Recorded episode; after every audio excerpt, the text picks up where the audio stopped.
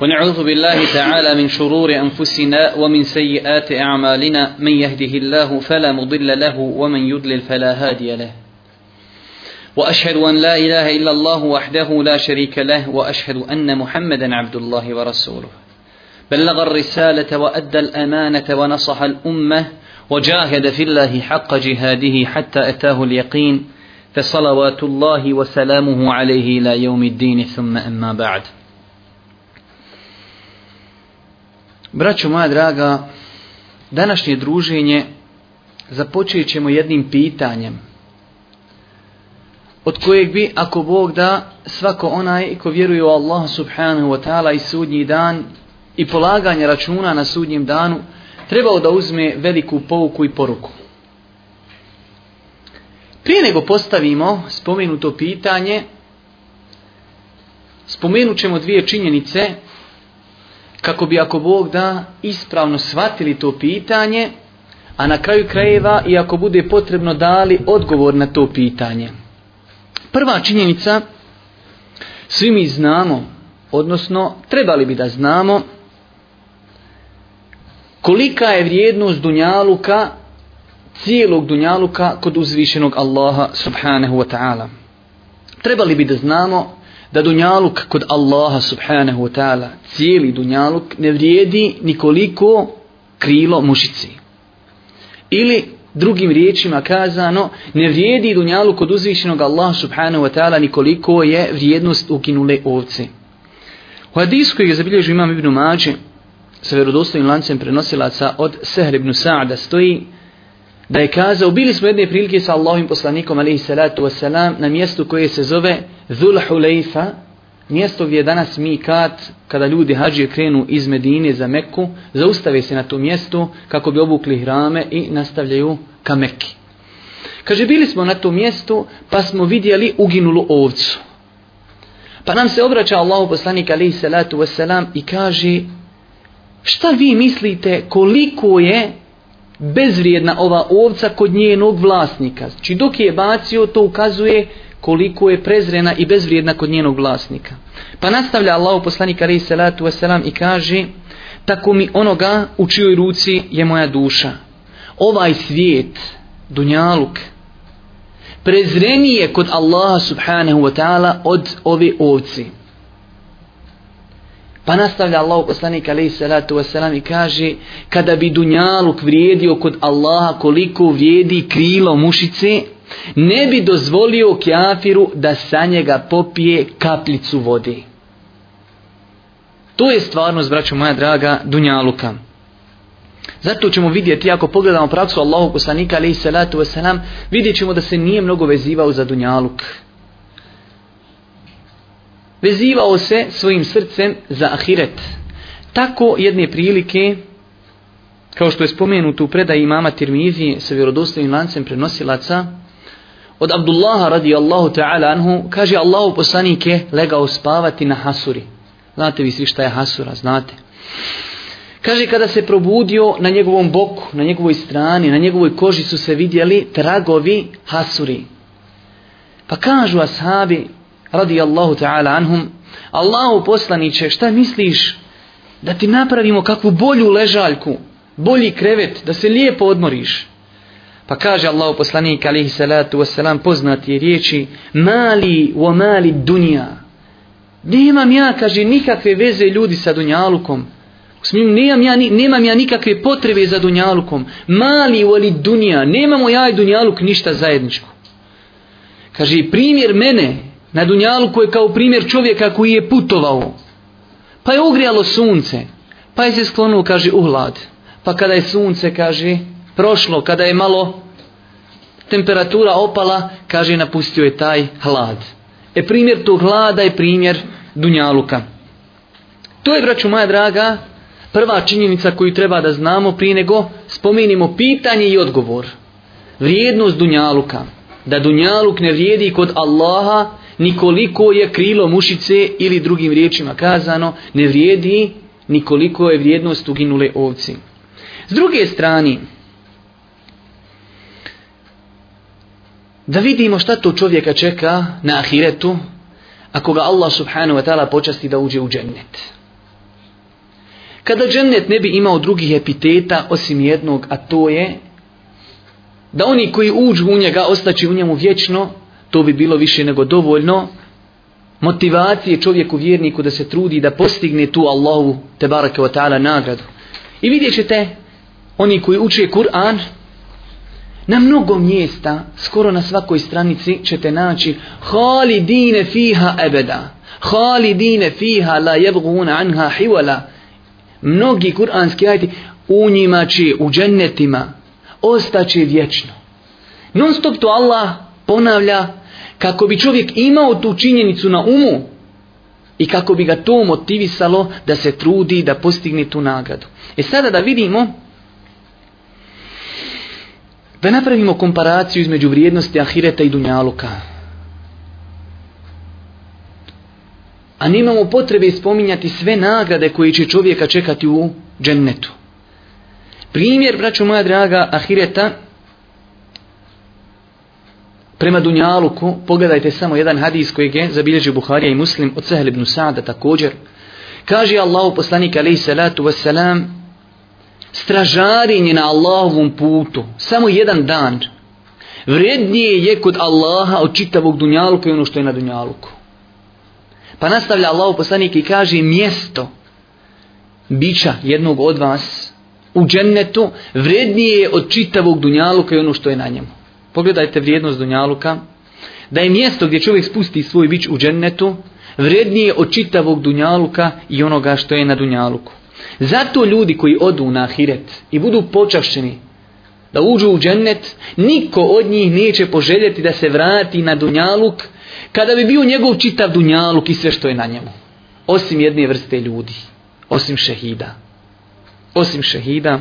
U hadisku koji ga zabilježi imam Tirmizi stoji da Allah poslanik alaihi salatu wasalam kazao ne postoji nijedan insan, nijedna duša koja bi željela da se vrati sa ahireta ako kaže uđe u džennet, ako zasluži Allahovu nagradu, pa makar kaže bilo sve na dunjaluku njegovo, osim šehid koji će poželjeti da se vrati drugi put i da pogine zbog mnoštva nagrada i dobrote koje vidi prilikom pogibije. A u rivajetu imama Buhari i muslima stoji, a šehid bi poželio da se vrati deset puta i da pogine zbog mnoštva nagrada koje vidi prilikom pogibije koja se vezuje za pogibiju na Allahom putu. E sada nakon ovog uvoda, nakon što smo kratko sažito spomenuli vrijednost Dunjaluka i Ahireta, postavlja se jedno pitanje. Zamislite mi, evo, još smo na Dunjaluku. I dolazi nam neko i kaže ponuda posao. Za deset dana možeš zaraditi penziju koja će ti se isplaćivati 83 godine a prosječna životna dob ljudi ovog ummeta jeste od 60 do 70 godina, spomenut ćemo to malo poslije. Znači sada kada bi neko od nas u penziju dobio gotovo, do kraja života si u penziji. Deset dana samo da radiš. Da li bi bilo ljudi koji bi odbili takav poziv? Makar mu uvjet bio treba da radiš 24 sata bez prijekida ali 10 dana radiš i 83 godine u penziju.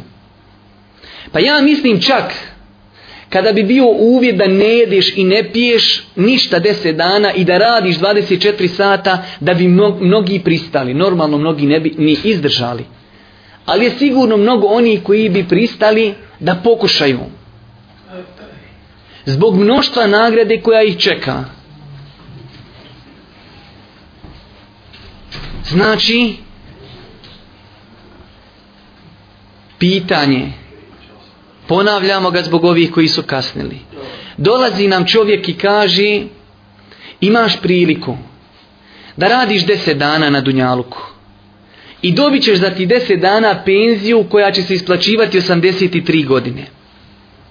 Sigurno bi svako od nas pristao. Sigurno bi svako od nas pristao. Pa makar bili uvjeti da mora raditi 24 sata besprekidno. prekidno makar mora uraditi bez hrani i pića, jer 10 dana, a 83 godine penzija. A ta penzija, braćo moja draga, obratite pažnju. Je li ona čitav dunjaluk? Ne. Ta penzija je jedan mali dio dunjaluka. Tu penziju koju bi dobio, šta je ona?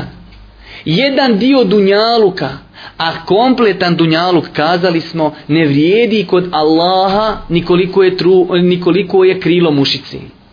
E ti si spreman za tu penziju od 83 godine koja je samo jedan mali dio nečega što kod Allaha ne vrijedi nikoliko vrijedi krepana ili uginula ovca, spreman si deset dana da radiš bez prekida.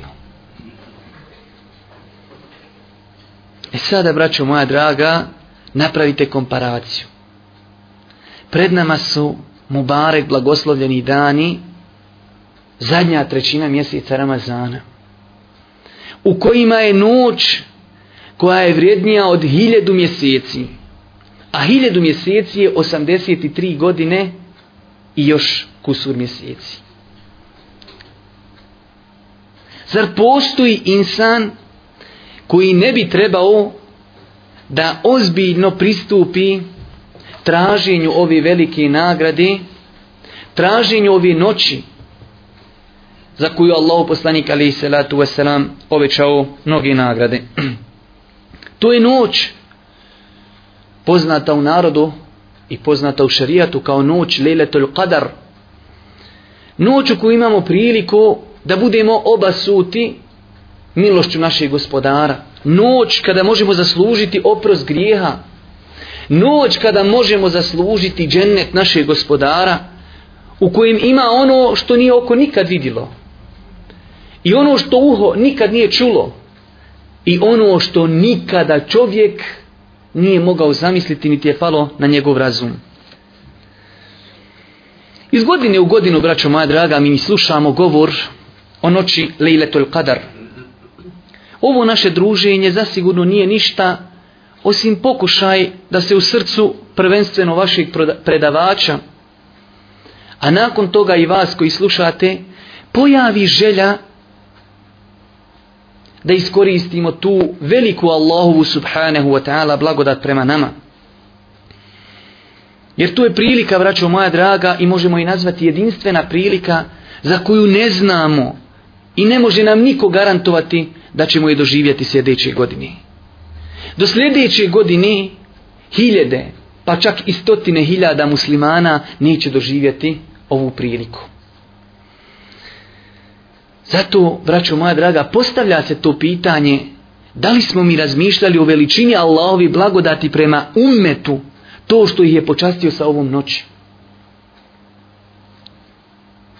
Da li smo se pripremali za njom?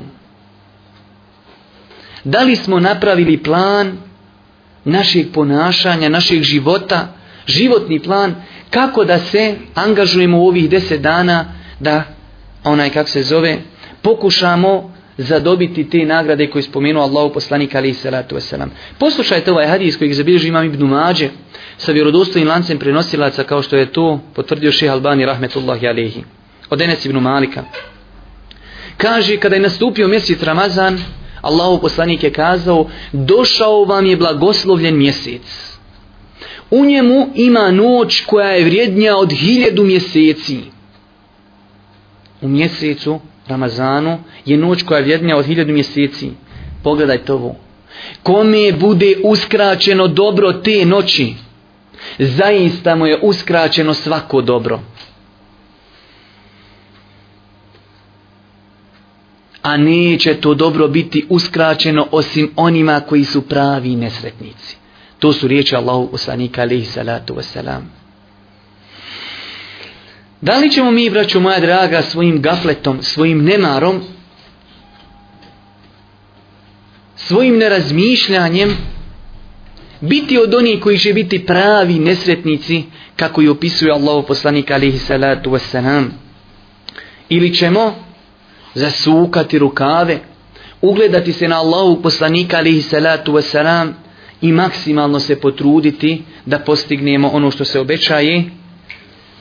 U hadisima Allahu poslanika alihi salatu wasalam vezuje se za ovu noć. Kaže Allahu poslanika alihi salatu wasalam u hadisu Buhari i muslima debu Hureyri ko provede noć lejletul qadar u ibadetu vjerujući u njen bereket i blagoslov, nadajući se Allahovoj nagradi i oprostu, bit će mu oprošteni grijesi.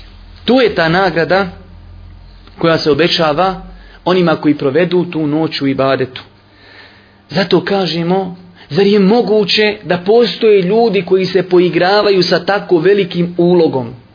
Oprost grijeha koji svako od nas ima zasigurno i na izvozu.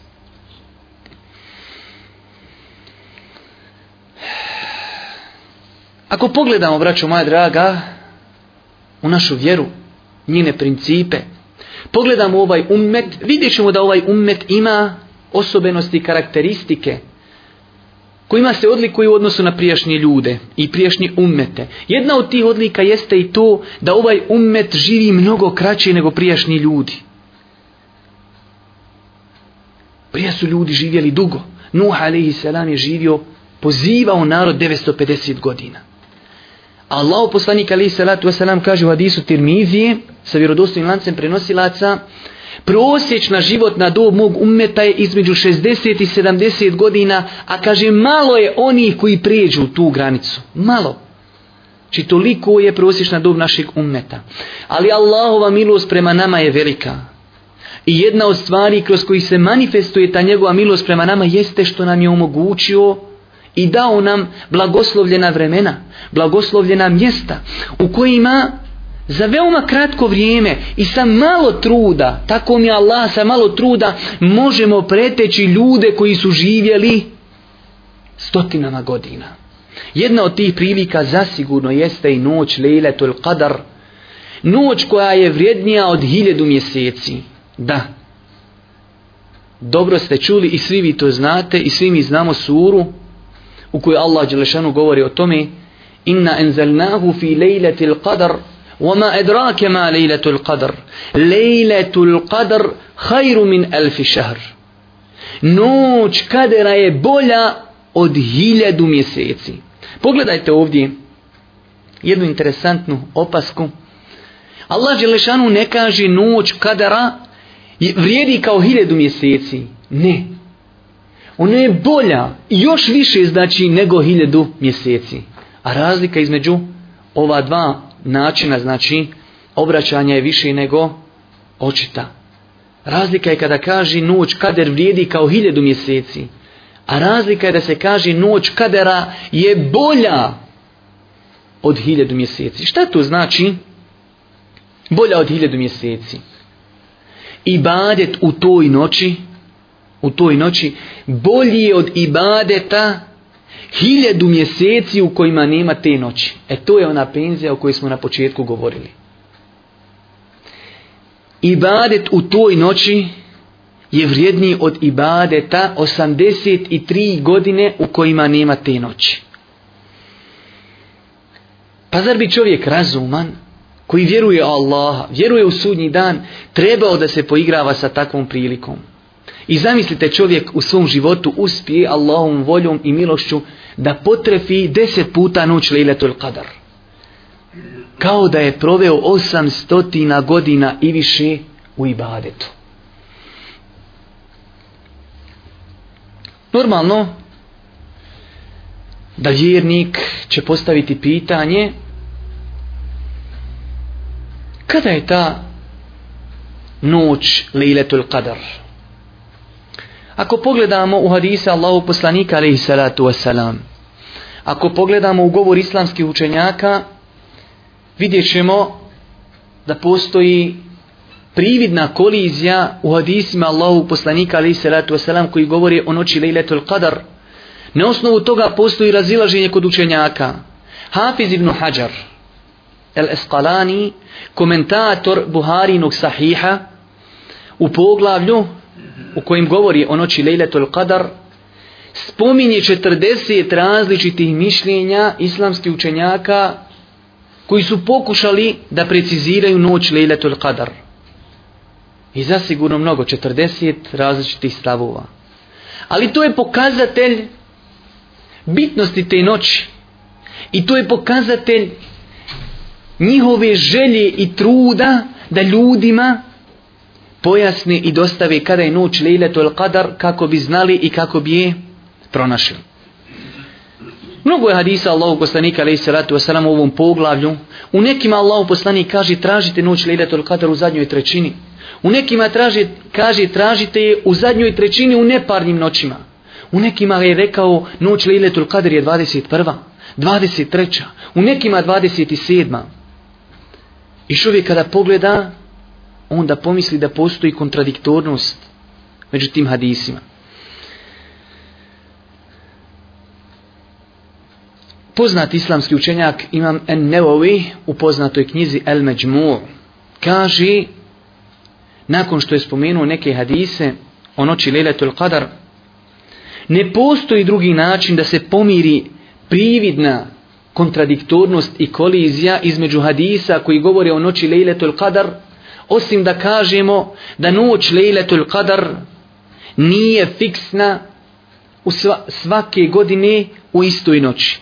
Već je znači nešto što se mijenja iz godine u godinu. Pa tako, jedne godine Allahu poslanik, kada su ga pitali kada je noć Lejletul Qadr, kaže 27. noć, odnosi se na tu godinu. A druge godine je kazao 21. noć, treće godine 29. četvrte 25. i tako. Na osnovu tih hadisa islamski učenjaci kažu ne postoji drugi način da se mogu pomiriti ti hadisi, njihova prividna kolizija, osim da kažemo noć lejletul qadar se iz godine u godinu mijenja. A to je Allahova mudrost. To je Allahova mudrost da nam nije kazao tačno i precizno kada je noć lejletul qadar, već nam je ukazao na jedan mali period u kojem treba da je tražimo. Pogledajte Allahovi milosti i rahmeta. Tako mi Allaha.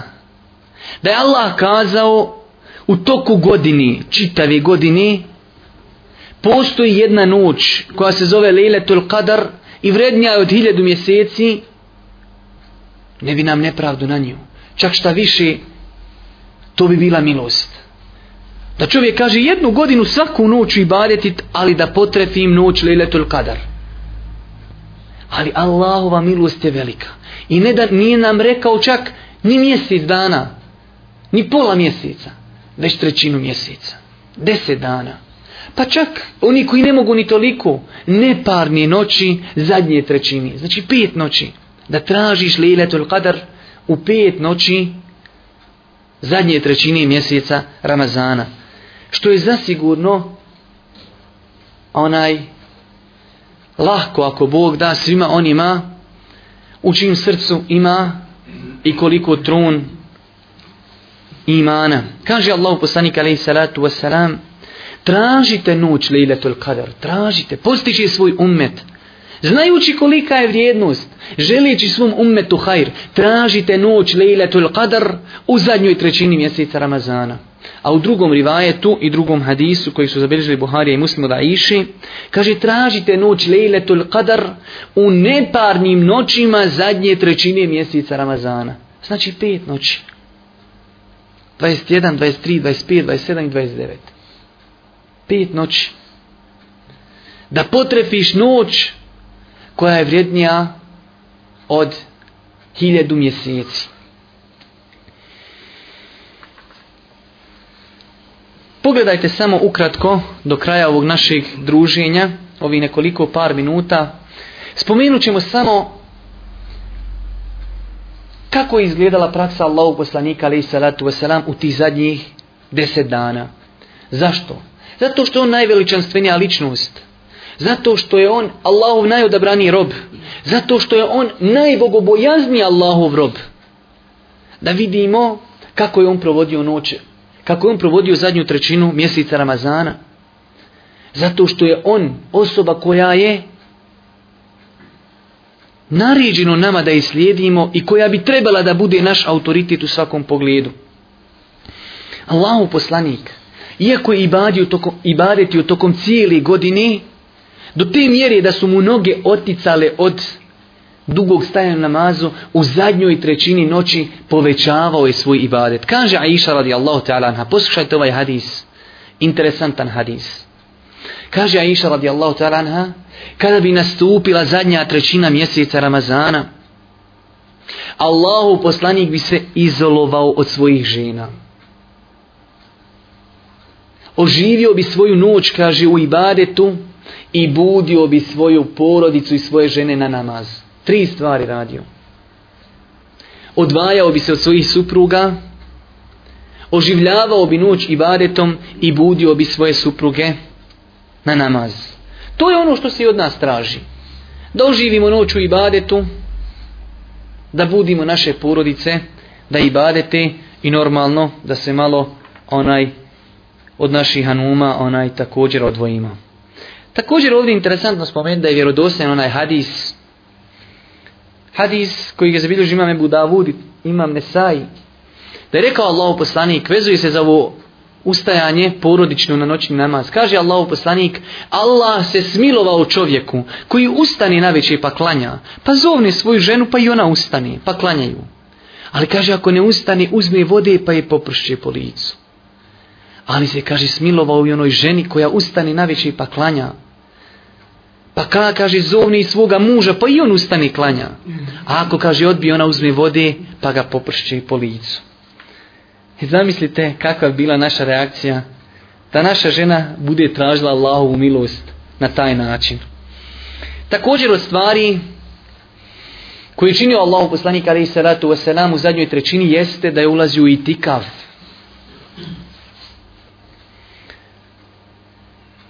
itikaf s ciljem traženja noći lejletul qadar, s ciljem da se malo isključi iz ovih problema koji su sastavni dio života svakog insana.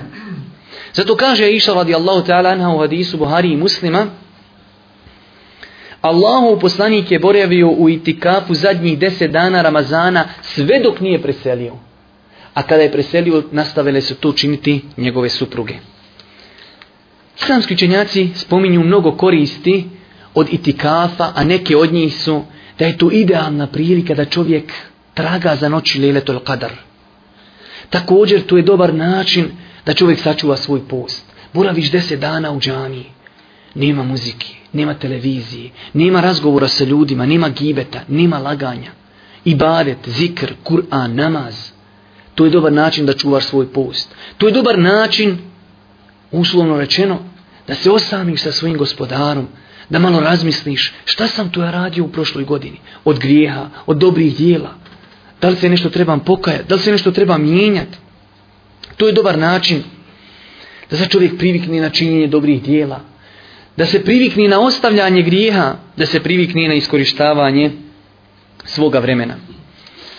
Također, od dijela koja bi čovjek trebao da čini u ovom plemenitu mjesecu, jeste, braćo moja draga, mjesec Ramazan je mjesec dovi. Ako pogledamo u stanje prvih generacija, vidjet ćemo da su to oni dobro znali. Zato što su oni učili od najboljeg učitelja. Allahu poslanika alihi salatu wasalam. Kaže Aisha radijallahu ta'ala anha, Allahu poslaniće, ako bi znala kada je noć Lailatul Qadr, šta ću govorit? Pa kaže, Kuli, Allahumma innaka afuun tuhibbul afe fa'fu anni. Kratko jasno. Allahumme inneke afuvun tuhibbul afu e fa'fu anji. O gospodaru, ti mnogo praštaš i voliš praštati, oprosti meni. To je dova koju treba učiti u noći Lejletul Qadar. Zato i mi trebamo krenuti tim stazama, stopama prvih generacija, prvenstveno moliti Allaha da nas učvrsti. Jer je to blagoslovljeno vrijeme kada se primaju dove, a s druge strane je težina vremena u kojim živimo, iziskuje i traži da molimo Allah da nas učvrsti.